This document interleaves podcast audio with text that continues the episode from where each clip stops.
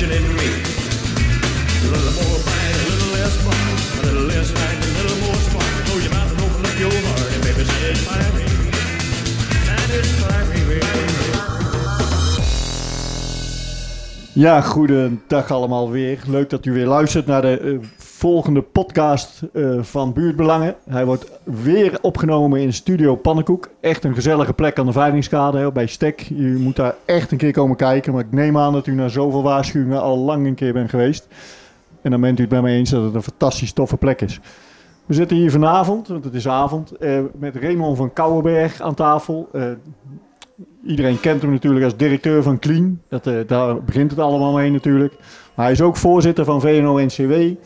Hij zit bij de vrienden van het Amphia ziekenhuis. Hij zit in het bestuur van eh, de, de Mark, de bedrijvenvereniging in, in Breda. En eigenlijk, ja, je moet het zo misschien zelf ook nog maar even herhalen wat ik allemaal vergeet. Maar je, je bent wereldberoemd. En misschien nog wel het meeste omdat je ook raadslid bent in Breda. Daar zullen mensen je ook van kennen. En we gaan het vanavond dus eh, goed hebben over eh, de economische stand van West-Brabant en natuurlijk Breda, onze mooie stad Breda, de parel van het zuiden. Eh, daar heb jij vast een mening over, eh, dus dat vonden wij interessant. Eh, en natuurlijk doe ik het vanavond niet alleen, maar zit ook Peter Elberts hier weer.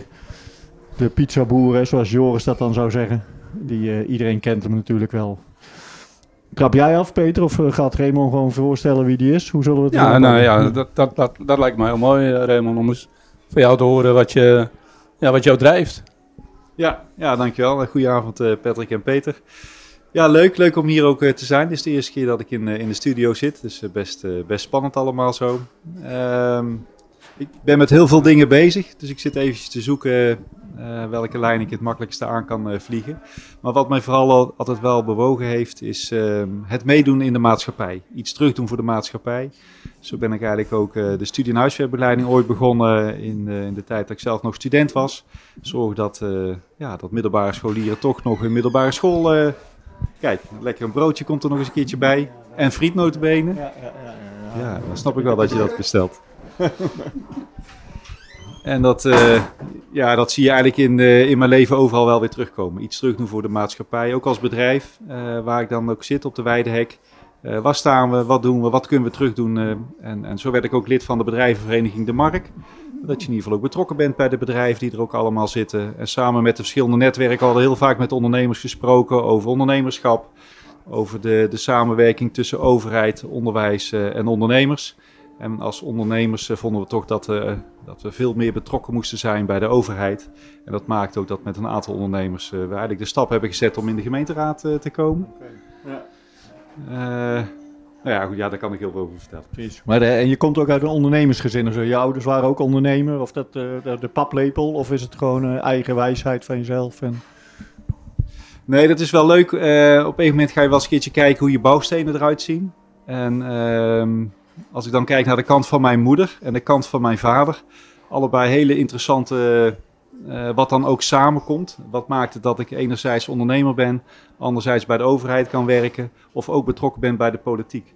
En als ik aan de kant van mijn eh, opa ga kijken dan, dat waren echt ondernemers in Zundert. Eh, die hebben ook de GroKo opgezet in, in Zundert.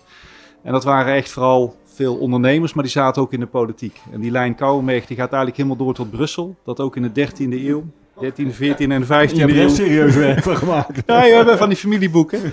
En dat waren allemaal de schepen van, eh, van, eh, van Brussel. Schepen, burgemeesters. Ja, die hadden in die tijd echt wel veel te vertellen. Dus dat was allemaal wel politiek. Dus dan zie je echt wel een lijn ergens dat de ondernemers uit de kant van mijn, eh, van, van mijn opa komen. De kant van mijn moeder. En de kant van mijn vader. Mijn opa was gemeentesecretaris van, van Maastricht. Hij is geboren in de Struis. Of, daar waren zijn ouders, enig kind. En ik denk dat hij als enig kind eh, zich een beetje eenzaam voelde. En mijn vader was daarom ook nummer 17 in het gezin. Dus een groot gezin in eh, Maastricht. Eh, maar die werkte verder voor de overheid. Dus dan zie je toch ergens dat overheid en, en ondernemers ja, ergens op die manier wel weer samenkomen in mijn vader en mijn moeder. En ja, dan is dat toch misschien wel de opbouw van je DNA. Ja, DNA en paplepel. Dus eh, dat Ja. jij dit ging doen, dat was eh, eigenlijk voorbestemd. Ik heb er nooit bij stilgestaan. Dat is pas een latere leeftijd als je die vraag gaat stellen. Dat je dan op een gegeven moment dat onderzoek gaat doen. En ja, dat, dat dan je verklaring is dat je... Ja, want je ziet niet vaak dat ondernemers ook in de politiek zitten. Ja, ja precies. Ja. Ja, maar je bent toch ook ambtenaar geweest, toch? bij de gemeente Breda heb ik gewerkt. Eh, ik heb eigenlijk een civiel technische achtergrond. Eh, watermanagement vond ik uiteindelijk ook het allerinteressantste. Maar ik merkte ook al toen ik ambtenaar was dat ik eigenlijk bij de verschillende gemeentes ook wel de samenwerking zocht. Samenwerking Water West-Brabant is toen ook eh, opgezet.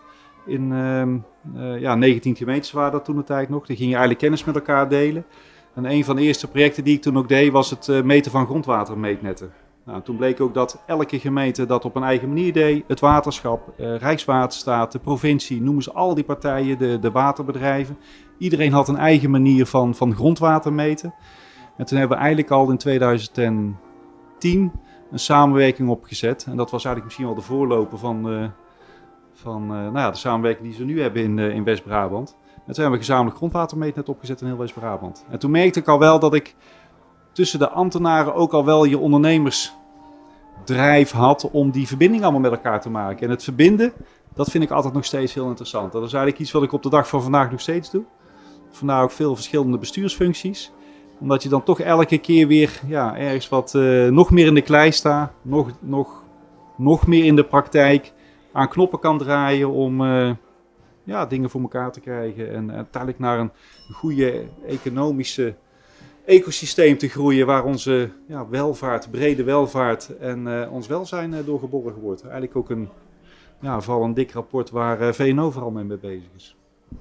Nou ja, je hebt ook een mooi bedrijf opgebouwd. eh, ook al heel wat jaren volgens mij. Ehm, en daarnaast doe je, en dat heb je net ook uitgelegd, eh, nogal wat andere activiteiten.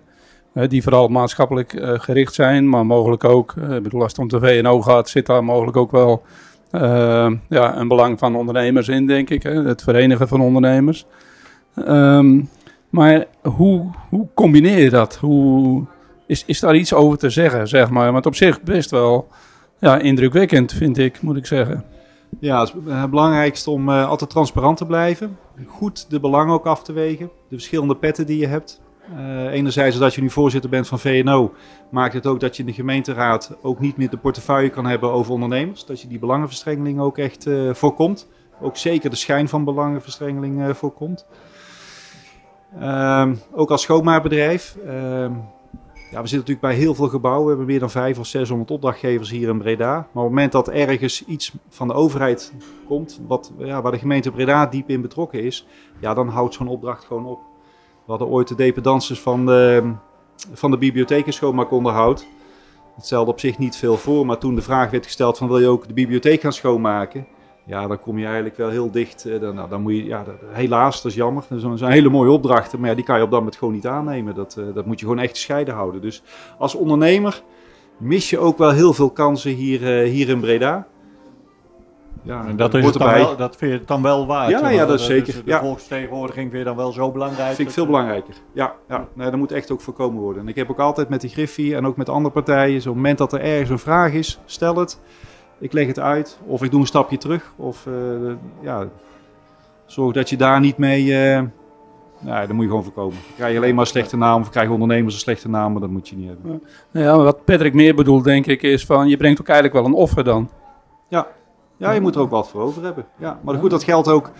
ehm, de tijd die je steekt, de tijd die je als, eh, als bestuurder eh, belangeloos om niet inzet. Ja, dat is ook een investering. Of tenminste, dat is iets wat je teruggeeft aan de maatschappij.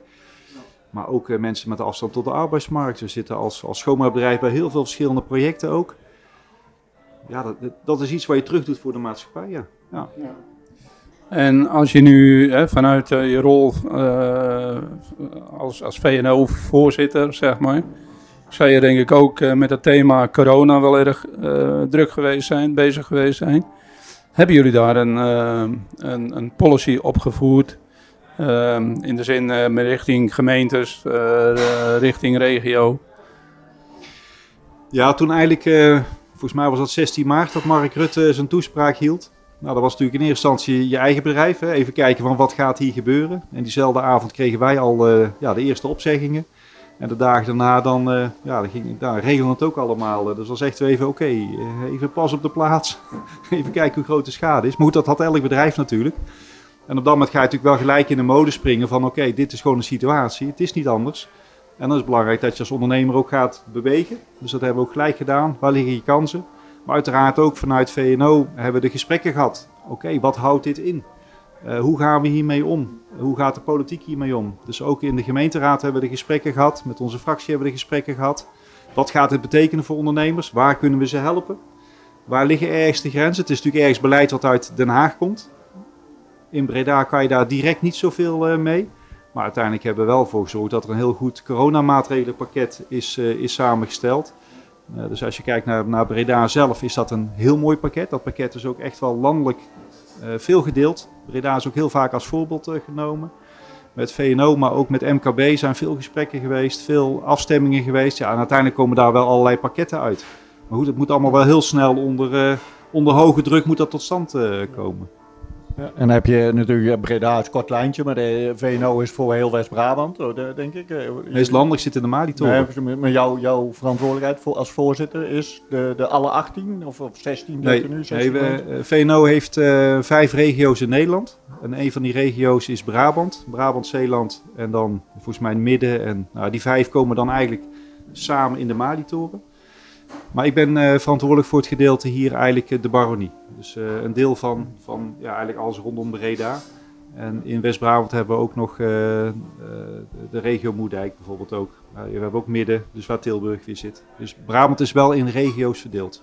Ja. En de voorzitters komen regelmatig bij elkaar samen. En samen trekken we eigenlijk ook op. En dat wordt eigenlijk, dat, het hoofdkantoor zit dan in Tilburg. Daar zijn ook allemaal mensen in dienst. Daar zitten ook de regiomanagers. Voorheen was dat bijvoorbeeld Jeroen de Lange, jullie ook wel, uh, wel bekend. Zeker. En uh, zo op die manier uh, ja, zorgen we eigenlijk dat het bedrijfsleven goed vertegenwoordigd wordt. Regelmatig houden we enquêtes. Wat speelt er? welke verbinding maak je met de provincie, met, met, nou, met de Malitoren, met de MKB? Nou, ze zorgen toch wel dat... ja, de... Uiteindelijk willen we allemaal, ook zeker die brede welvaart... Ehm, ja, zorgen dat er een goed ondernemersklimaat is, waar iedereen ook maar ja, brede welvaart, hè, we zijn altijd een beetje ingevoerde mensen hier aan tafel. Maar we, voor, de, voor de luisteraar die thuis heeft brede welvaart, ik haak even af. En die probeert nou te zappen, maar daar hou, hou hem eens binnen. Wat, wat, is brede, wat is brede welvaart? Dat is eigenlijk iets wat natuurlijk al jaren terug uh, speelt. En volgens mij gaat dat terug naar 1980 of zo ergens. Um, dit, dit, dit project is eigenlijk ontstaan uh, in uh, het brugproject. Dus eigenlijk iets waar werkgevers vaker tegenaan liepen. Je ziet dat de maatschappij steeds complexer wordt. Uh, dus als werkgever heb je ook veel vaker de gesprekken met je werknemers. Uh, wat speelt er thuis? Uh, uiteindelijk zijn die uitdagingen die ze hebben, komen toch ook alweer op de werkvloer terecht. En zeker als je een sociale werkgever bent, heb je natuurlijk veel gesprekken met je werknemers. En dan zie je op een gegeven moment ook wel dat mensen steeds vaker worstelen met ja, de uitdagingen in het leven. Nou, zeker als schoonmaakbedrijf zit je natuurlijk toch aan de basis van de samenleving. En ja, dus we, de, nodige uitdagingen kennen we. En dat is eigenlijk iets wat we met veel werkgevers met elkaar eigenlijk een keertje, toen een keer bij elkaar zijn gaan zitten. Van hoe kunnen wij, hoe kunnen wij eigenlijk veel meer, meer doen voor onze werknemers dan alleen werk bieden. Uh, hoe kunnen we ze helpen met, met schulden die ze hebben? Of hoe kunnen we ze helpen met de uitdagingen die ze hebben? En ja, als je kijkt naar het netwerken wat jij ook hebt en, en wat jij ook hebt, uh, Peter. Uh, als wij bij wijze van spreken de burgemeester nodig hebben, kunnen we hem bellen. Wij kunnen wethouders bellen, wij kunnen Tweede Kamerleden bellen. Wij, wij kennen rechters, we kennen advocaten. We, we hebben zo'n enorm netwerk dat als wij een probleem hebben, of, of onze kinderen hebben een probleem, of, of, of je naaste, dan weet je altijd wel iets te regelen en dan kan je eens een deurtje openen en, en dan, dan, dan wordt je probleem opgelost. Je ziet vaak dat mensen aan de basis van de maatschappij zo'n netwerk niet hebben. Die hebben vaak ook mensen die in een uitkering zitten of mensen die ook in, in bepaalde uitdagingen zitten. Dus het netwerk is vele malen kleiner. Dus dat was ook een van onze eerste speerpunten. Hoe kunnen we ons netwerk inzetten om, om mensen te helpen? En nou goed, dat gaat uiteindelijk veel breder, veel verder. En dat, dat brugproject is uiteindelijk, hè, dus de brug slaan tussen, tussen de netwerken, is uiteindelijk geresulteerd in een brede welvaart. Hoe kunnen we zorgen dat dat iedereen in Nederland het beter krijgt. En uh, niet alleen financieel, maar ook dat je welzijn verbetert. Dus dat je ook meedoet met de samenleving, dat je, dat je een bijdrage kan leveren. Want uiteindelijk is, is een zeker werk is misschien wel een van de belangrijkste voorwaarden in, in je welzijn. Je betekent iets. Werk heeft vaak ook een status. Je bent betrokken, je ontwikkelt jezelf. Dus ja, we zien daar wel heel veel. Ja, het is een heel, heel pakket. Ik probeer het maar even zo samen te vatten. Dus brede welvaart is eigenlijk dat het voor iedereen beter gaat. Maar als je nu eens uh, concreet zeg maar, hè, dus, dus je zegt van ja, het is niet, het is breder dan alleen werk. Werk is belangrijk, maar het is breder. Maar je zou als ondernemer meer kunnen doen als alleen het bieden van werk. Maar wat zou dat dan concreet kunnen zijn dan? Dat iemand zich ook ontwikkelt. Dat je ehm, eh, betrokken bent met, met de maatschappij. Eh, ja, Nee, maar goed, het is, eh, kijk, want dat is even wel... te zoeken. Het, is zo- Ja. het is zo'n breed onderwerp. Eh, ja, oké. Nee, maar goed, hè, omdat je zegt van ja, we hebben het overleg, we hebben het hè, vanuit jouw functie als voorzitter, stuur je dat mogelijk ook aan. En je ziet, jij ziet op andere terreinen, eh, verbind je denk ik voor jezelf een aantal dingen toch aan elkaar. Weliswaar eh, bekijk je dat met elke keer een andere pet op, maar ja, je weet wat je weet. Ik bedoel, eh, en je weet dat als het ergens maatschappelijk op een ander, op een ander terrein Hè, want er zitten hierzelfde eh werknemers. Ik bedoel, die, die- jij- komt ze overal tegen. Ehm, dus dan, ja, dan vind ik het ook wel interessant als je, hè, sowieso een mooie gedachte dat als er vanuit het VNL op die manier naar gekeken wordt. Maar dan ben ik ook wel benieuwd hoe dat dan concreet invulling zou kunnen krijgen dan. Hè, als behalve, ja, ik bedoel, ik noem dat dan maar even academisch. Ehm, ik zal niet zeggen gelul, maar ik bedoel, het is meer, het- het- ja, wat is dan concreet? Wat, wat kan het dan concreet zijn waar werknemers ook wat aan gaan hebben in verschillende bedrijven? Ja, nou, en preventie. Eh, als je het breed kijkt, hè, dus hoe kan je ook langer en gezonder blijven leven? Hoe zorg je ervoor dat mensen goede voeding eh, eh, nemen in plaats van ja, goedkope, snelle snacks? eh. ik kijk, ik kijk Ja, Patrick even, maar in. ik krijg Patrick even aan. maar hij ziet er nog slank uit. kan hem hebben. Nou, hij zit wel onder tafel, hè? Ja. Nee, maar je ziet ook dat, ehm, ehm, dat, dat gezonde voeding, daar begint het vaak al, eh, al bij. Eh, eh, voldoende nachtrust, eh, sporten, bewegen, je fit voelen. Eh, en, en mensen die op een gegeven moment een aantal uitdagingen hebben en door emoties vetter gaan eten, dikker worden, minder bewegen, dan kom je op een gegeven moment in een visuele cirkel terecht naar beneden. Ehm, dus ook als je mensen die roken, dat zie je toch ook wel vaak. ja, zorg dat je, dat, je, dat je fit blijft. Hoe kan je ook zorgen dat je heel je leven, zeker als je tot je 67 moet werken, zeker als je arbeid, eh, zware arbeid moet verrichten, dat je dat ook vol kan houden tot die tijd dat je met pensioen gaat. Dus dat is ook die duurzaamheid van medewerkers. Hè. Zorg ook dat ze, dat, dat, ja, dat ze die fitheid ook, be- ook behouden. Of dat ze tussentijds zich gaan omscholen. En als je op een gegeven moment lichamelijke gebreken hebt, dat je dan gaat kijken naar welke talent heb je dan. En ga dan die talenten inzetten in plaats van ja, op een gegeven moment aan de kant gaan staan. Dat is iets wat je, wat je sowieso moet voorkomen. Dat is eigenlijk het, het, het onbenutte talent waar we vaak over spreken. Eh, ja, hoe, hoe belangrijk het is dat iedereen gewoon mee blijft doen in de maatschappij. En oké, wel de, de, de, de, Rabobank die jubelde een, maand geleden van we gaan eh, 3,8 of 4 procent eh, stijgen in West-Brabant. De economische groei, we zitten weer helemaal in de lift. Alsof er nooit corona is geweest. En het UWV die komt aan de andere kant met een soort waarschuwing van we komen straks eh, 2200 eh, tot 2500 banen tekort in West-Brabant. Het gaat helemaal niet zo goed met de economie. Hè? De- de- de- in je eh, daar, schuurt iets van. Zit dan eh, de Rabobank niet zo goed in die brede welvaartsmetingen? Of heeft UWV een, eh, beetje een zwartgallige blik? Of, of waar, waar zit dan de... Nou, ik, ik ken de cijfers ook. Eh, ik zit ook in het bestuur van het regionaal werkbedrijf. Dus er komt ook het UWV eh, samen. Eh, dus dat zijn vaak ook wel de, de grafieken en de cijfers die we met elkaar gaan vergelijken. Waar ligt het dan eh, aan? Zo zag ik ook dat in de schoonmaak eh, een terugloop is van 8%. Overniers hadden een terugloop van 12%.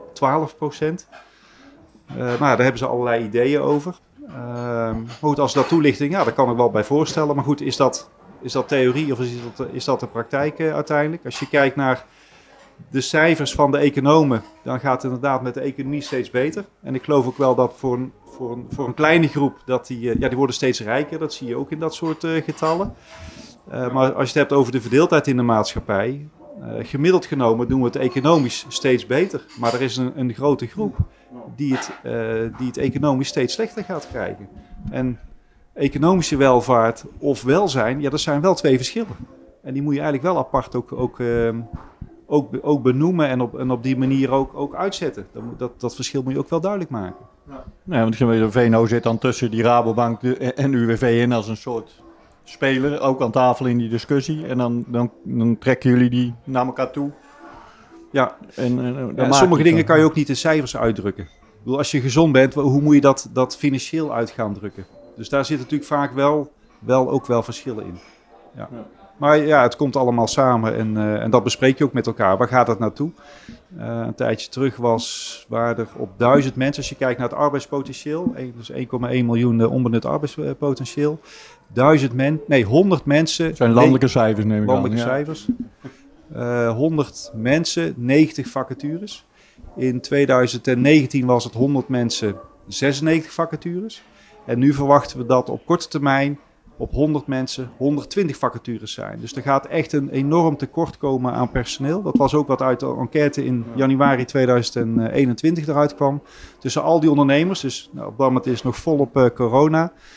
eh, met alle uitdagingen die er zijn. En toen gaven eigenlijk alle ondernemers aan personeel na de zomervakantie, dus na de zomervakantie 2021, daar zit onze grootste uitdaging en dat zien we als grootste risico. En dat is eigenlijk al naar voren gehaald, naar nu. Elke, elke branche schreeuwt om personeel en we weten niet waar we ze vandaan moeten halen. En dat, eh, dat is deels demografisch, omdat we allemaal ouder worden en mensen gaan met pensioen. Hè, zoals Peter op een gegeven moment ook is gegaan, een, paar, een jaar of tien terug. En, eh, Ik wist je dat je bij pensioen was, Peter. Zou je niet zeggen? Nee, daarom. eh, maar de, de, de- dat gebeurt natuurlijk. En eh, is er een andere verklaring voor? Eh, De robotisering of, of, of is, het, is het echt de, de, de demografie? Ja, nou het zit wel heel complex in elkaar. Eh Tom Wildhagen heeft ook vaak hele mooie stukken, columns schrijft hij ook in het FD. En die is ook regelmatig overal wel te vinden.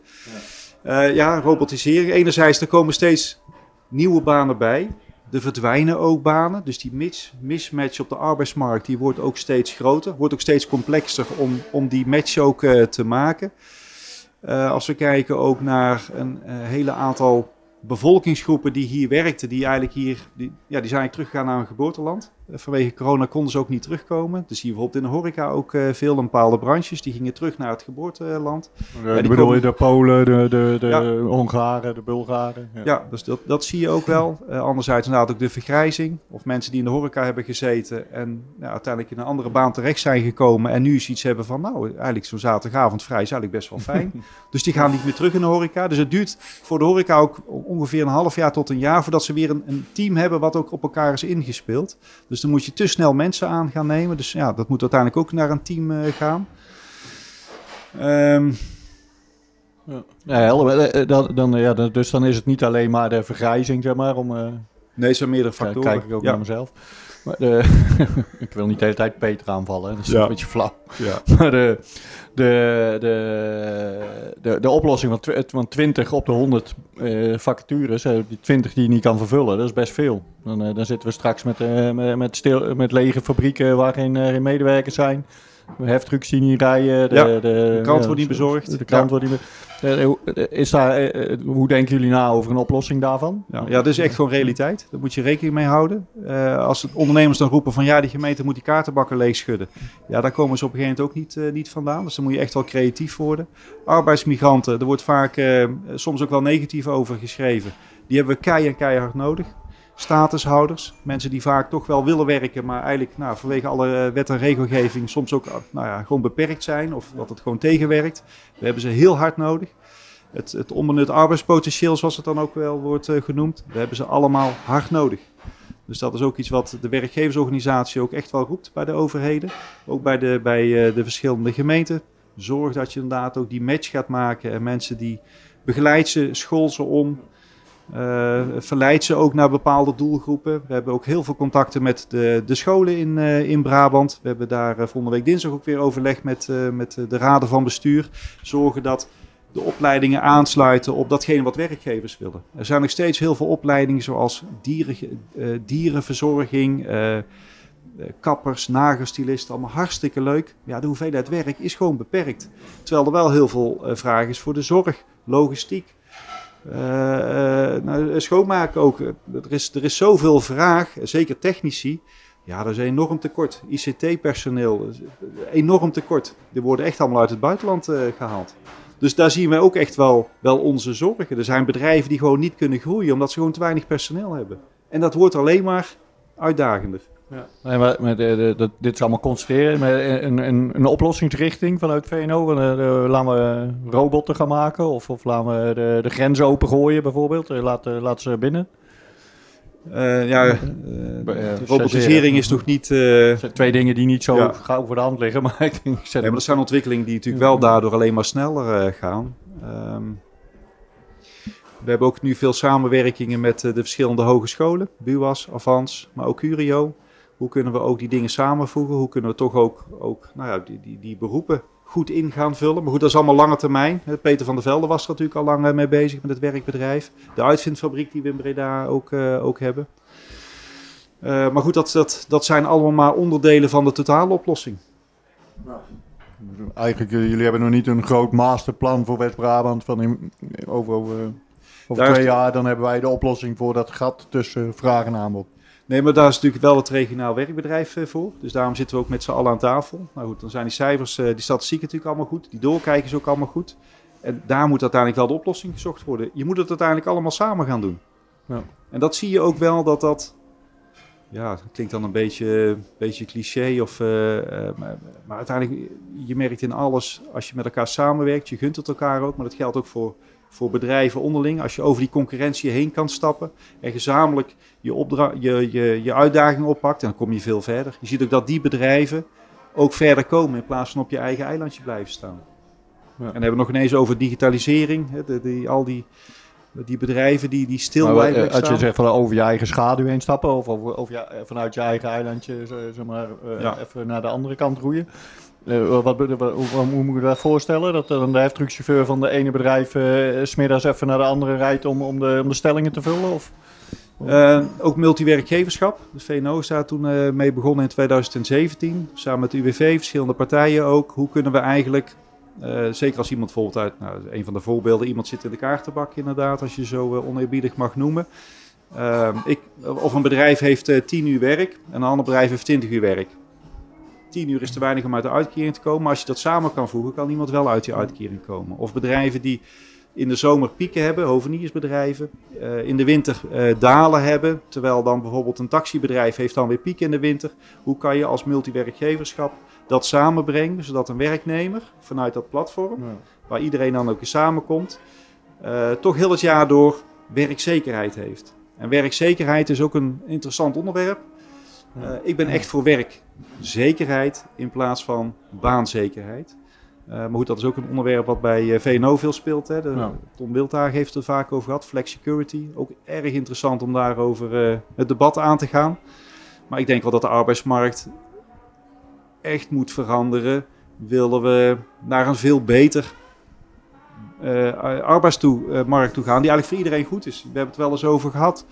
Hoe, hoe ehm, werkgevers willen, willen werknemers graag aan zich binden. En dat kan je het beste doen met een vast dienstverband. Voor een werknemer is een vast dienstverband ontzettend belangrijk voor die vastigheid. En, maar ook, ook eh, voor de maatschappij, want die werknemer weet, ik heb een vast dienstverband, ik kan, ik kan een gezin stichten, ik kan een huis kopen. Dus dat is voor iedereen is dat vele malen beter. Alleen ja, een vast dienstverband, het is voor heel veel werkgevers een enorm risico. En de twee jaar doorbetalen, er is nergens ter wereld dat je twee jaar moet doorbetalen bij ziekte. En dan heb je nog ineens over, een, over de transitievergoeding of, of de, de loonsanctie die het UWV nog een keertje oplegt als je je reintegratie niet goed hebt gedaan. Dus ik zie daar ook echt wel noodzakelijke veranderingen. Als we die werkzekerheid veel meer naar voren kunnen schuiven, zoals dat ook in, eh, nou, met flexicurity eh, is. Ja, dan denk ik dat we de arbeidsmarkt ook echt, echt uit het slot kunnen halen. We houden elkaar nu vast in een, in een, in een wurggreep. En daar moeten we ook uit zien te komen. Maar betekent dat dan ook iets voor de bedrijventerreinen, zeg maar? Nee, de bedrijventerreinen eh, niet zozeer, maar de bedrijventerreinen hebben natuurlijk ook een agenda. Er komen ook allerlei onderwerpen eh, ter sprake, wat, wat voor de bedrijven die gewoon hier echt gevestigd zijn. Dus enerzijds, ik zit in het bestuur van een markt en in het platform van de bedrijventerreinen. Dus in de bedrijventerreinen van, of platform bedrijventerreinen, daar komen eigenlijk alle bedrijventerreinen van Breda samen.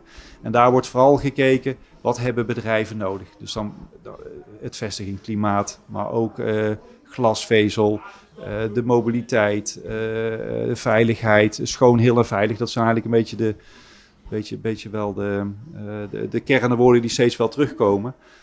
En daar werken we ook mee samen. Dus ik zit ook in datzelfde bestuur en samen met VNO. En VNO is eigenlijk vooral hoog over. Hè. Wat, speelt er eigenlijk eh, regionaal en landelijk? En de bedrijventrein is echt wat speelt er gewoon lokaal. Dus dan heb je eigenlijk heel die keten tot in de haarvaten. Ja, ben ik wel betrokken wat er allemaal speelt bij bedrijven. Maar als je kijkt, want je hebt het ook over eh, werkzekerheid, zeg maar. Eh, is dat dan niet handiger eh, te regelen wanneer je bijvoorbeeld op bedrijventerreinen meer met thematisch werkt, zeg maar. Waar bedrijven geclusterd zitten in een bepaalde sector, zeg maar. Ja, een ecosysteem. Ja, bijvoorbeeld. Ja, dat ecosysteem, daar zijn we ook al in West-Brabant al langer mee bezig. Waar willen we uiteindelijk naartoe gaan? Ehm, welke bedrijven trek je aan? Welke opleidingen ga je daarvoor zorgen? Welke mensen wil je juist ook hier naartoe halen? Hoe zorg je dat die mensen hier ook blijven, blijven wonen? Ehm, dus dat is iets eh, wat we vanuit VNO ook al langer mee bezig zijn. Dus dat doen we eigenlijk regionaal met alle, alle verschillende, verschillende regio's. Wat speelt, waar wil je uiteindelijk naartoe? En dat is ook vanuit de RWB. eh, ja, een aantal jaren terug is het rapport Berenschot eh, verschenen, 2018 meen ik. Ja, dat was niet goed gesteld. Inmiddels zit er een nieuwe directeur bij de RWB. En nu zien we ook echt wel dat de samenwerking tussen de verschillende gemeentes vele malen sterker wordt. Toen Paul de Pla destijds zei, eh, we gaan ons veel meer op het midden richten. Misschien kan je dat nog wel herinneren. naar de oost, we gaan naar de oost. We gaan naar de oost. Ja, de wijzen komen uit het oosten. Ja, ja, ja, ja die zaten volgens mij... Ik zat erbij, ik zat, na, ik zat tussen de burgemeesters van Moerdijk en Etteleur. Er zat dus een rijtje eh, op, de, op de publieke tribune bij de, Ja. bij de beëdiging van de burgemeester. En toen zei hij in zijn toespraak van we gaan onze blik westen naar het oosten, naar Tilburg. Ja, Ja, de, blik, ja, de, de blikken van, van die burgemeesters die naar mij keken, wat gebeurt hier nou? dat was echt, eh, ja, dat, dat zei alles. Van ho, Ja. ho, weet je wel. Breda hoort eh, naar de West, West-Brabant te kijken.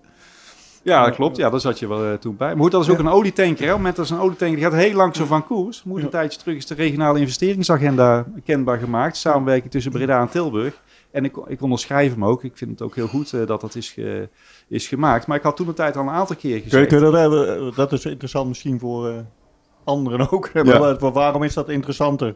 Om, eh, oké, we moeten Be- Be- Berg op Zoom en Roosland natuurlijk nooit vergeten, want dat zijn broeders in de West. Ja. Maar de, de, de, de samenwerking met Tilburg, waarom is dat juist zo interessant?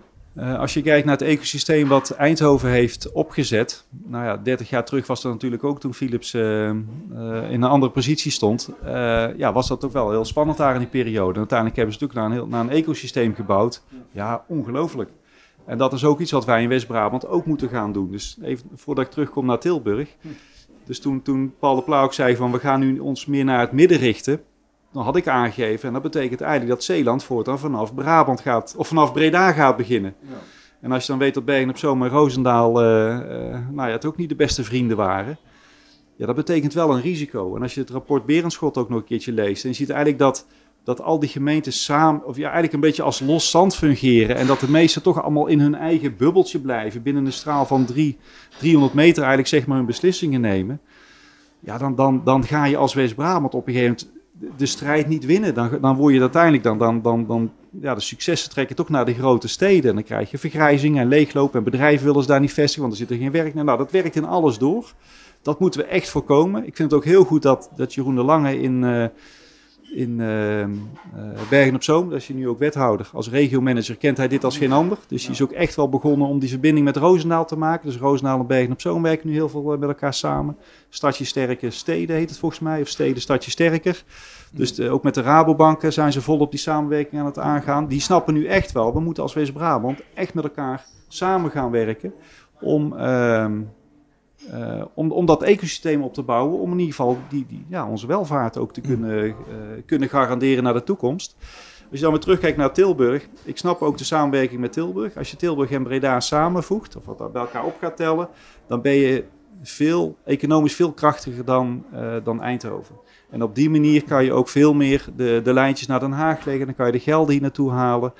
Eh, als je kijkt naar de wegen, eh, overal zijn de wegen verbreed, behalve rondom Breda. De ruit van Breda is gewoon niet goed. dat, ja, het Mirt, dat zou je ongetwijfeld ook allemaal wel kennen. Dus logistiek moet echt, echt verbeterd worden. En dat kan je eigenlijk niet lokaal doen. Als je kijkt ook naar de Noordelijke Rondweg. Ja, dat gaat 660 miljoen eh, kosten. Maar dat moet je niet zien in Breda. Dat moet je gewoon zien in het knooppunt van Breda in West-Brabant gelegen. En dat soort projecten moet je grootschalig oppakken. Moet je ook, ook op die manier kunnen denken. Dat betekent ook dat wethouders van andere steden op een gegeven moment over die grenzen heen moeten kijken van... eh, ja, waar gaan we straks bedrijven landen? Hoe gaan we die, die, eh, die economische verbindingen ook allemaal eh, inzetten? En dat, dat, moet je alleen maar, dat kan je alleen maar doen als je samenwerkt. En Breda en Tilburg, ik snap dat heel goed. Maar je zegt ze zijn groter dan Eindhoven. eh, De, de, In massa, in, in aantallen, in, eh, tel het allemaal bij elkaar op. En ja, dan kom je ver boven Eindhoven elke keer uit. Gewoon economische bijdrage Ja. aan de BV Nederland, om het Ja. maar even in, eh, in Ja. markttermen te zeggen. Dan zijn wij, met de, Eindhoven is, is een nationale, is een metropoolregio geworden, zeg maar. Ja. Die hebben dat veel beter verkocht dan, dan wij nog. Eh, ja, dat klopt. En wij hebben nog steeds een, eh, een eh, ik wil zeggen stoplicht, maar het zijn verkeerslichten natuurlijk. We hebben nog steeds verkeerslichten op de snelweg staan, Hooipolder. Ja, dat is ongekend natuurlijk. Ja, en dat Ja. krijg je alleen maar doordat je met elkaar gaat samenwerken. Dat dan op een gegeven moment ook ja, het inzicht komt van ja, dat soort verbindingen. Ja, je moet gewoon kunnen doorstromen als, als logistiek. Deze regio wil ook een logistieke hotspot zijn. Ja, dan kan het toch niet zijn dat we altijd in de file staan. Dat vrachtwagens op een gegeven moment, of dat dat, dat soort bedrijven ergens anders naartoe gaan, omdat de logistiek niet meer goed eh, functioneert. Dus eh, onder, onder Van Kouwenberg maken we nog mee dat, dat, we, dat West-Brabant een metropoolregio wordt samen met Tilburg. Voor, Ja, eh, die, die concurreert op, eh, op de Europese...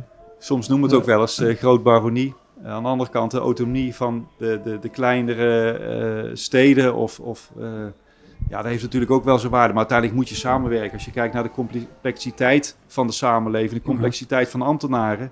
Ja, dat, Samenwerken of samengaan. eh. ja het H-woord is natuurlijk altijd ligt heel erg gevoelig. ik zou dat wat makkelijker kunnen roepen. Eh, maar ik denk dat het voor wethouders wel, wel gevoelig ligt als je over, over herindeling gaat hebben. Maar ik denk dat, dat, je, dat je uiteindelijk die stap wel moet gaan maken. Het is nou toch ook niet meer voor te stellen dat, dat Bavel, eh, dat dat vroeger een, een eigen gemeente was met een burgemeester en een stadhuis. Dat is, uiteindelijk ga je dat toch ook allemaal wel, wel samenvoegen. ja. ja, en met hun eigen identiteit nog wel. Hè? Zeker, bedoel, zie je ja, ook ja. in Prinsenbeek. Ik weet hoe gevoelig dat allemaal ligt. En Ja. eh, op het moment dat je het hebt over. Nou, werkgelegenheid is belangrijk. Dus, het, dus locaties van, van bedrijventerreinen zijn van cruciaal belang. Ja, op mensen dat je dat vlakbij een dorp eh, wil gaan, eh, gaan ontwikkelen, in dit geval Bavel bijvoorbeeld. Ja, dan, dan snap ik wel dat eh, iedereen op zijn achterste poten gaat staan. Maar aan de andere kant, ja, je zal op geen keuzes moeten gaan maken. We hebben natuurlijk een hele beperkte hoeveelheid grond. En als je als Ja. gemeente samen gaat werken, je kan ergens tussen die gemeentes kijken naar bepaalde percelen of, of, of gronden waar je wel woningen kan ontwikkelen en bedrijven kan, eh, kan vestigen. Ja, dat moet je toch, toch gezamenlijk gaan doen. Ja. Dus ooit gaat vliegveld Geelsrijen, wordt gewoon een prachtig woon, eh, woonindustrie, woonwerkplek.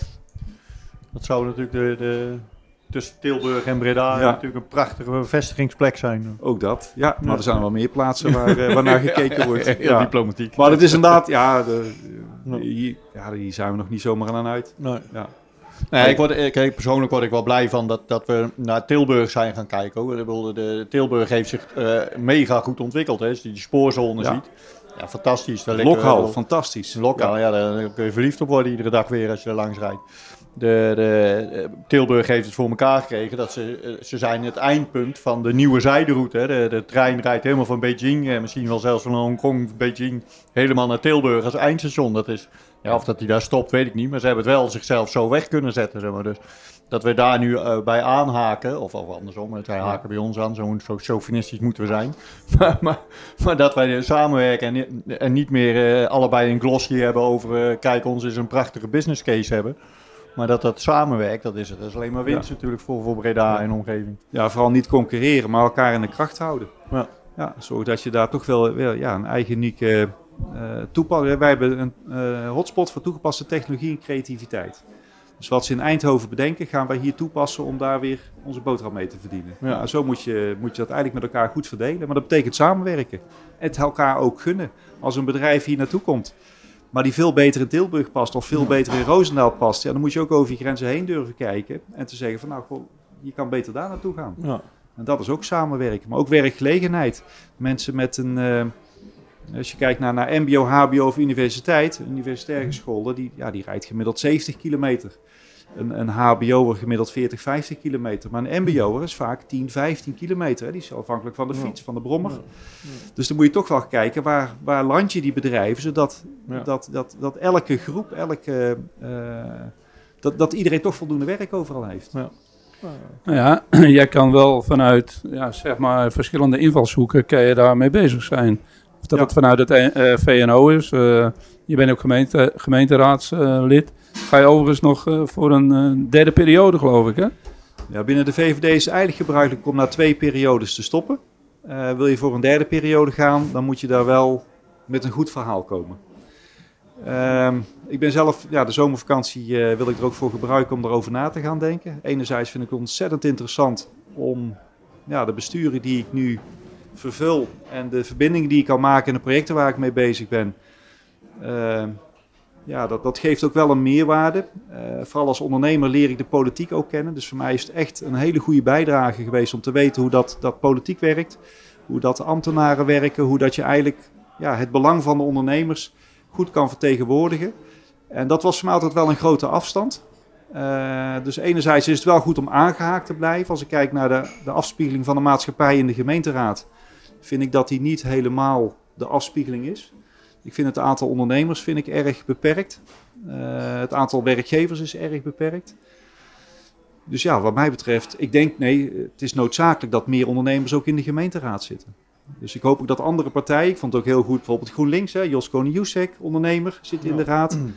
Eh, Caspar Rutte is, eh, is advocaat en ook ondernemer zit erin. Eh Marieke bij ons is, is ook ondernemer. Eh, Inge is ondernemer. Ja, zelfstandig. Ja. En dan denk ik dat het een beetje ophoudt. Ja. Dus Ja, ik vind het ergens wel, eh, misschien ook wel een roeping Ja. om dan toch in de gemeenteraad te blijven, dat, dat je de, de ondernemers vertegenwoordigt. Nou ja, het is ook best wel eh, ja, lastig, denk ik. Hè? Als je een bedrijf hebt, een bedrijf moet runnen. En nou ja, je wil je gemeenteraadswerk goed doen, dan kost dat ook gewoon tijd. Dus om dat allemaal te organiseren, vaak zijn het jonge mensen, kinderen, gezin, eh, school, voetbal, nou gaat zo maar door. Dus ehm, eh, het is niet voor iedereen een makkelijke tijd. Dus ehm, ja, vind jij dat daar mogelijk naar gekeken zou moeten worden? Om juist mensen vanuit de doelgroepen die je ook hard nodig hebt, Zeker, eh, ja. binnen zo'n gemeenteraad te krijgen. absoluut. Doordat ik zelf ambtenaar ben geweest, ook beleidsmedewerker ben geweest, weet ik hoe dat ik dossiers oppak, mijn wethouder informeer. En weet ik ook hoe dat, dat in de gemeenteraad landt en weer terugkomt, zodat je dan ja, als ambtenaar je dossier kan, eh, kan afhandelen, zeg maar. Maar niet iedereen kent dat spel. Als je ziet de hoeveelheid informatie die je als gemeenteraadslid krijgt, dat is, dat is enorm. Dat is voor geen mens te bevatten wat je elke week aan, aan dossiers krijgt. Dus het is bij mij ook best wel een zoektocht van hoe moet je eigenlijk invulling geven aan het gemeenteraadschap. En, en eh, wie zou dat dan ook kunnen? Want je moet de dossiers wel lezen, je moet de tijd hebben, je moet het ook snappen. Dus ergens moet je ook, ook echt verstand van zaken hebben of bepaalde specialisaties hebben om daar ook iets van te vinden. Als je kijkt wat, hoeveel ambtenaren achter een wethouder zitten. Goed, eh, Peter, of, eh, Patrick, jij Ja. weet dat natuurlijk als geen ander. Ja. Je hebt een heel batterij aan ambtenaren met, met specifieke kennis, die, die ook nog een keer landelijk eh, vaak werken. Ja, daar komen dossiers uit voort. Ja, dat is echt professioneel. Dan moet je als raadslid ook maar lezen, begrijpen en daarachter de vraag Ja. kunnen, kunnen be- beseffen. Dus, het is, eh, dus ja, het is, eh, ja, is dit de manier om een stad te besturen? Ik heb daar wel vraagtekens bij. Maar heb je er ook een idee over, zeg maar, hoe dat anders zou kunnen? eh, waardoor je meer, eh, ja, meer mensen geïnteresseerd krijgt hiervoor? Ja, nou zo is het belangrijk om daar ook mensen te interesseren. Ik denk dat het ook heel goed is om veel, veel breder te verspreiden wat het gemeenteraadschap eigenlijk inhoudt. Ik denk dat we vaak allemaal wel denken dat we eh, de stad besturen, maar we zitten maar in een heel klein bubbeltje. Ik bedoel, eh, 100 meter verderop eh, van de stadserf. Ik denk dat, geen, eh, ja, dat merendeel niet weet wie dat de gemeenteraadsleden zijn, überhaupt wat ze doen. Dus dat mag best wel veel aandacht krijgen, hoewel er al heel veel aandacht aan gegeven wordt. Maar er moet ook een bepaalde interesse natuurlijk zijn bij, eh, bij het publiek. Eh, ja, waar het naartoe moet gaan. Ik denk dat je hele deskundige mensen moet hebben. Misschien wel een kleiner groepje. Maar dat ze veel meer tijd eh, ook hebben. Dat je ook echt deskundige mensen zoekt die ook dat soort dossiers ook echt begrijpen. En daar ook, ook iets van kunnen vinden. Dat je echt naar een raad van toezicht of zo eh, gaat. Misschien eerder in die vorm. Ik weet ook het niet precies. Maar ik denk de manier zoals het nu gaat. eh, het duurt gewoon een aantal jaar voordat je het spel be- beheerst. Nou, dan is eigenlijk al je periode voorbij. Dan heb je een tweede periode om stappen te kunnen zetten. Nou, dan is je tweede periode voorbij. Ik zit er nu eigenlijk pas goed in. Althans, ik, ik doe heel veel in de maatschappij terug. Ik ben in de, in de raad niet altijd eh, goed zichtbaar. Maar achter de schermen ben ik wel heel actief. Ik ben Ja. bijna fulltime bezig met al die bestuursfuncties. Ja, helder. ik hoop dat Boas luistert. Dan, eh, voor, voor jou Nee. dan. hè. Ik heb met Boas ook eh, veel contact. Ik zie ook wat hij doet voor ondernemers. Hoe dat hij ook als, eh, als wethouder, als centrumgemeente eh, functioneert. Ja, daar heb ik alleen maar, eh, kan ik alleen maar complimenten voor geven. Hoor. Dus, ja, eh, dat, zou, dat zou ik nu ook doen. dat is wel zo verstandig. Nee, dat is ook terecht. Nee, terecht ook. Dus Ja. dat, eh, nee, maar interessant, goed. wel interessant weet je, de, de, de, de, gemeente heeft er in 2015, hè, was toen die, die transitie van de jeugd, eh, of de, van, de, van het hele sociaal domein, een enorme kluif bijgekregen. De, Ja. de, de begroting verdubbelde bijna van, de- van de gemeentes, met, met alle verantwoordelijkheid erbij. Dus eh, voor de, de gemeente, en de gemeenteraad veranderde totaal niet. Hè. Die bleef gewoon hetzelfde doen wat ze deed. Eh, ze hebben een beetje het vergadermodel veranderd, maar Ja. eh, inhoudelijk is er niet zoveel veranderd. En die verantwoordelijkheid die, die daarmee op, op hun rust is eigenlijk, is eigenlijk ja, ben ik wel met je eens, eigenlijk veel te groot geworden. Ja. Het is, ik, ik, zit nou een beetje landelijk te kijken hoe, wat, wat er allemaal gebeurt. Je hebt nou de hele discussie van Thorbecke 2030. Eh, dan is het 200 jaar geleden dat Thorbecke eh, de, de grondwet schreef. En, en, en dit hele huis zoals we het nu georganiseerd hebben met gemeentes, provincies en vo- volksvertegenwoordiging heeft geschreven. Het is wel echt de tijd om daar nu eens goed over na te denken. Ja. Het is, ja, ik ben het wel helemaal met je eens dat het, het, is gewoon over de hoofden van die gemeenteraadsleden heen gegroeid. Je kunt, ze Ja. je kunt ze niet eens kwalijk nemen dat ze het allemaal niet, niet Ja. kunnen doorgronden. Nee, laat staan als je dan een kleine gemeente hebt, waar, eh, eh, waar wethouders misschien parttime werken. Ja, ook dat nog. Ja, dan krijg je het ook. Die, die, dan, dan kan je op enig moment kan je die complexiteit gewoon niet meer aan. Ja. En ik denk dat daar ons grootste risico zit.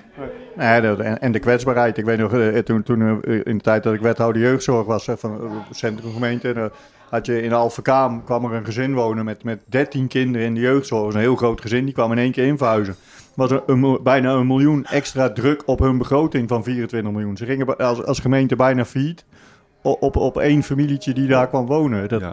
ja, dat, eh, ja, net wat je zegt, het H-woord mag niet gezegd worden, maar de, maar de schaal waarin je dingen moet organiseren en de professionaliteit waarmee je dat moet doen, dat is wel, eh, Ja. dat vergt wel iets meer van, van raadsleden. Ja. En dat Maar is- ik merk nu ook wel dat de samenwerking tussen de gemeentes eh, wel veel beter is. Of het komt misschien omdat ik nu zelf veel meer betrokken ben, dat je ziet waar, eh, waar de voordelen allemaal wel gehaald worden. Maar ik denk dat, dat uiteindelijk dat iedereen dat inzicht wel heeft gekregen. Ja. Nou, dat is goed om te horen. want eh, In het begin was het echt nog wel zoeken.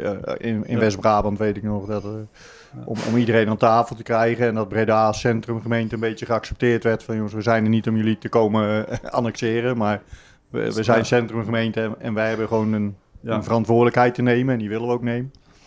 En dat, eh, dat- ja, dat is een, iets, iets wat moet groeien natuurlijk, maar eh, En je ziet dat het bedrijfsleven daar veel makkelijker over die grenzen heen kijkt. Ja. Bedrijven kijken niet naar grenzen, die kijken gewoon naar kansen, naar mogelijkheden. Ja, Dus, ja. Nee, daarom. Dat, eh, en, en, en, en verhuizen ze net zo makkelijk naar Tilburg en weer terug. Of ze gaan in Etteleur zitten. Klopt. Ja, hun, eh, ze, gaan, ze, ja, ze gaan toch zitten daar waar de kansen zitten. Als Ja. daar een opleiding zit die goed aansluit bij, bij de behoeften die ze hebben, ja, dan gaan ze daar naartoe.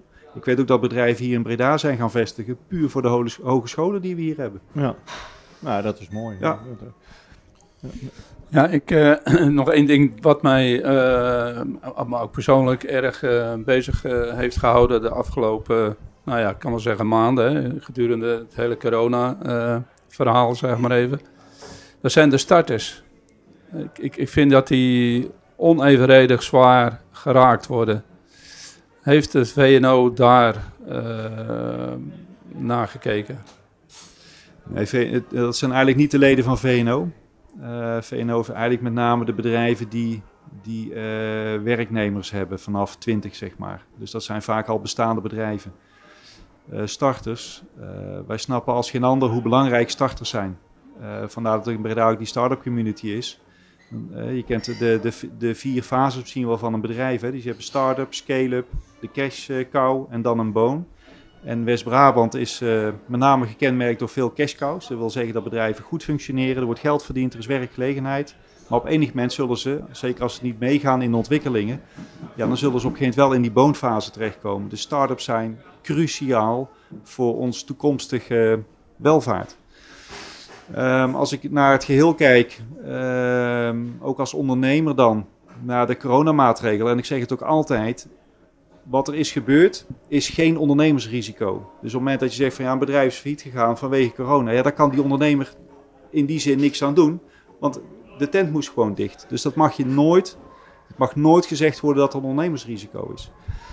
Ik vind wel, als je naar het geheel kijkt, dat uiteindelijk het bedrijfsleven, de ondernemers, de ZZP'ers en de DGA's de rekening voor corona hebben betaald. De DGA mocht ook in de loonberekening... Wat is een DGA? Even voor mijn... eh, directeur groot aandeelhouder. Dus eigenlijk de, ja, de eigenaar van het bedrijf, die vaak ook directeur is.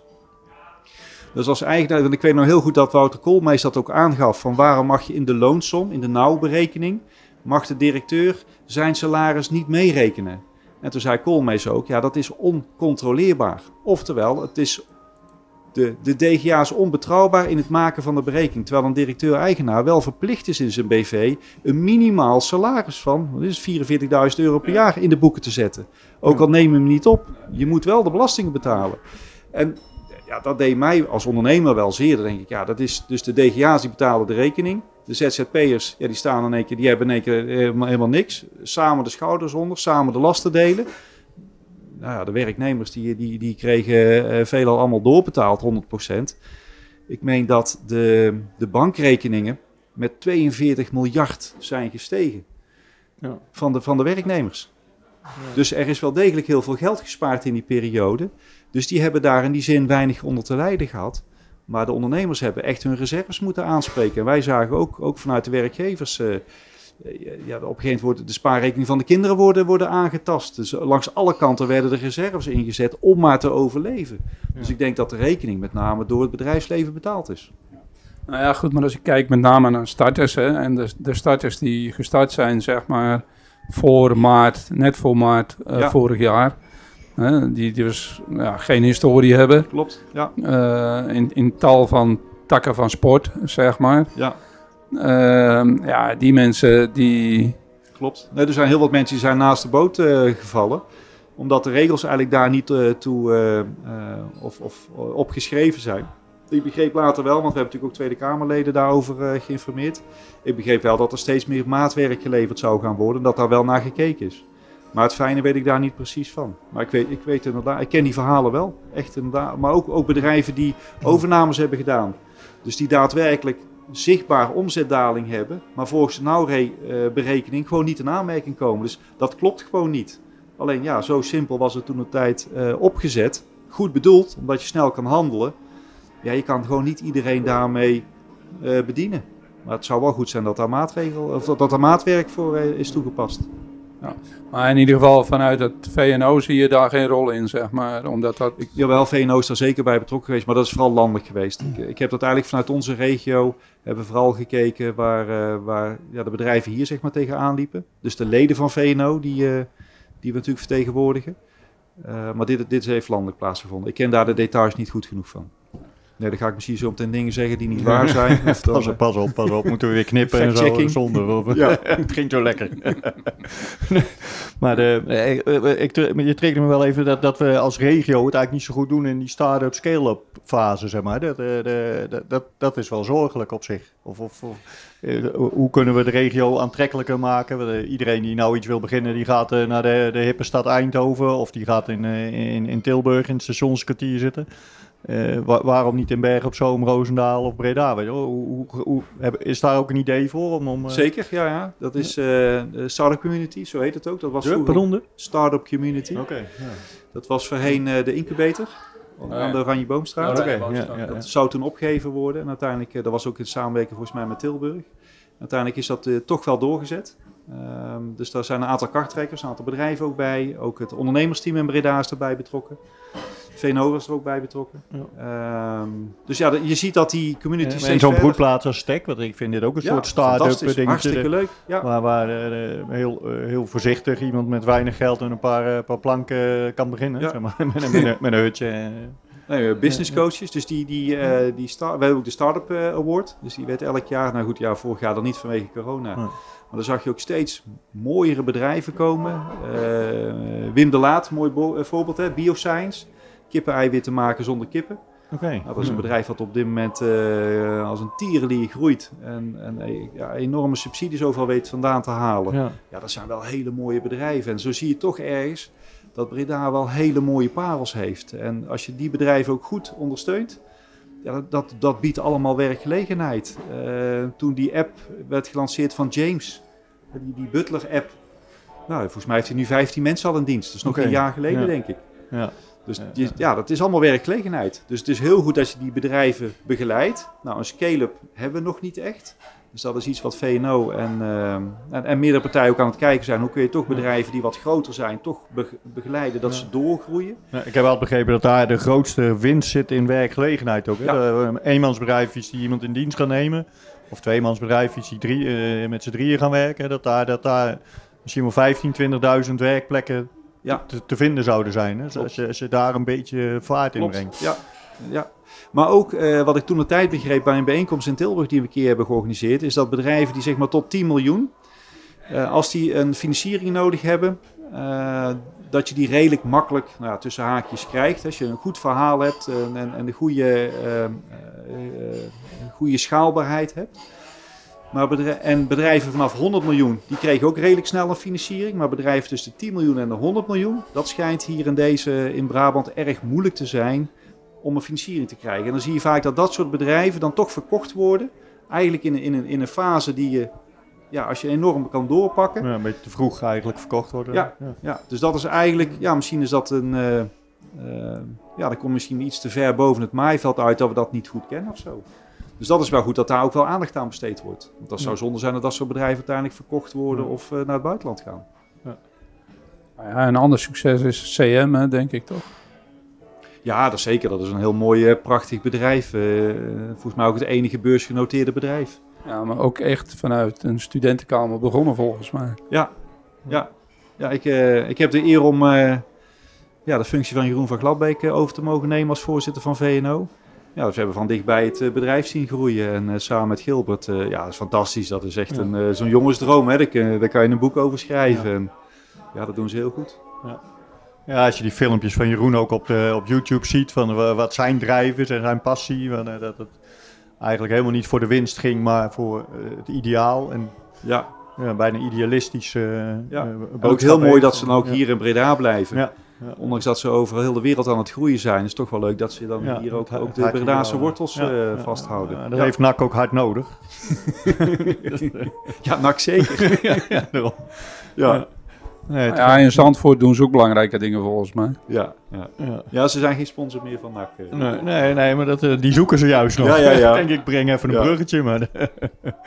Ja. Nou, Jeroen, als je het hoort. Ja, hij moet, eh, die luistert vast. Die luistert ze allemaal. Eh. Ja. Nee, we, we, we raken ook een beetje aan het einde van, eh, van de, de podcast. Eh, Ik zat net even over mijn schouder te kijken, want eh, Joris is er alweer niet. Daar moeten we echt iets van gaan vinden, Peter. Maar dan moet ik de hele tijd omkijken naar de tijd. Maar we raken een beetje aan het einde. De, de- heb je nog een, een prangende slotvraag op de... Nee, ik vind het sowieso heel interessant. En ik vind het ook heel knap hoe, eh, hoe jij, Raymond, allerlei dingen combineert, zeg maar. En ook wel fascinerend, omdat je vanuit al die gezichtshoeken eh, ja, prima eh, dingen kan overzien, denk ik ook. En eh, daar ook een hele goede invulling. Dus, dus in, die, ja, in mijn beleving wel een voorbeeld van ehm, ja, een ondernemer, zeg maar. Dus eh petje af. ja, dankjewel. Ja, daarnaast ben ik ook nog getrouwd en drie kinderen. Dus zie je ook nog een gezinsleven. Dus, ja. Ja, ja, Dus nee, je moet inderdaad ook wel eh, je tijd goed verdelen. En leuke dingen bezig zijn. En het, ja, het voelt ook goed dat je maatschappelijk betrokken bent en maatschappelijk iets, eh, iets kan betekenen. Ja, daar krijg ik ook alleen maar energie van. En eh, ja, wat mij betreft ga ik nog wel even door. Ja, en je gaat nou even lekker genieten van een mooie vakantie, begreep ik. Als het, Zeker, met een ja. beetje geluk blijven op oranje of groen. En dan kun je de grens uit over. Ja, ja. Of moet ik langer blijven ja, daar? de ja, dat zou eigenlijk het ideaal zijn. Hè? Dat je daar bent en dat ze dan Ja, zeggen, ja, sorry ja. jongens. Ja, Ja. ja, dan, eh, dan, dan bel je maar even. Dan, eh, dan vangen we het op. Hey, hartstikke bedankt, Remel. Eh, ik heb ervan genoten. Goed gesprek. Ja. Ehm, eh, wie weet, eh, over, het, over een jaar ben je weer herkozen als raadslid. En dan, dan doen we nog eens een keer dunnetjes over. Ja, oh, dat is prima. Ja. Daar hou ik Ja. aan. Ja, dat is leuk. Ja, dat is goed. Ja. Dankjewel. Super, dankjewel. dankjewel. allebei. Ja, Ja. ja. Hey, fijne avond.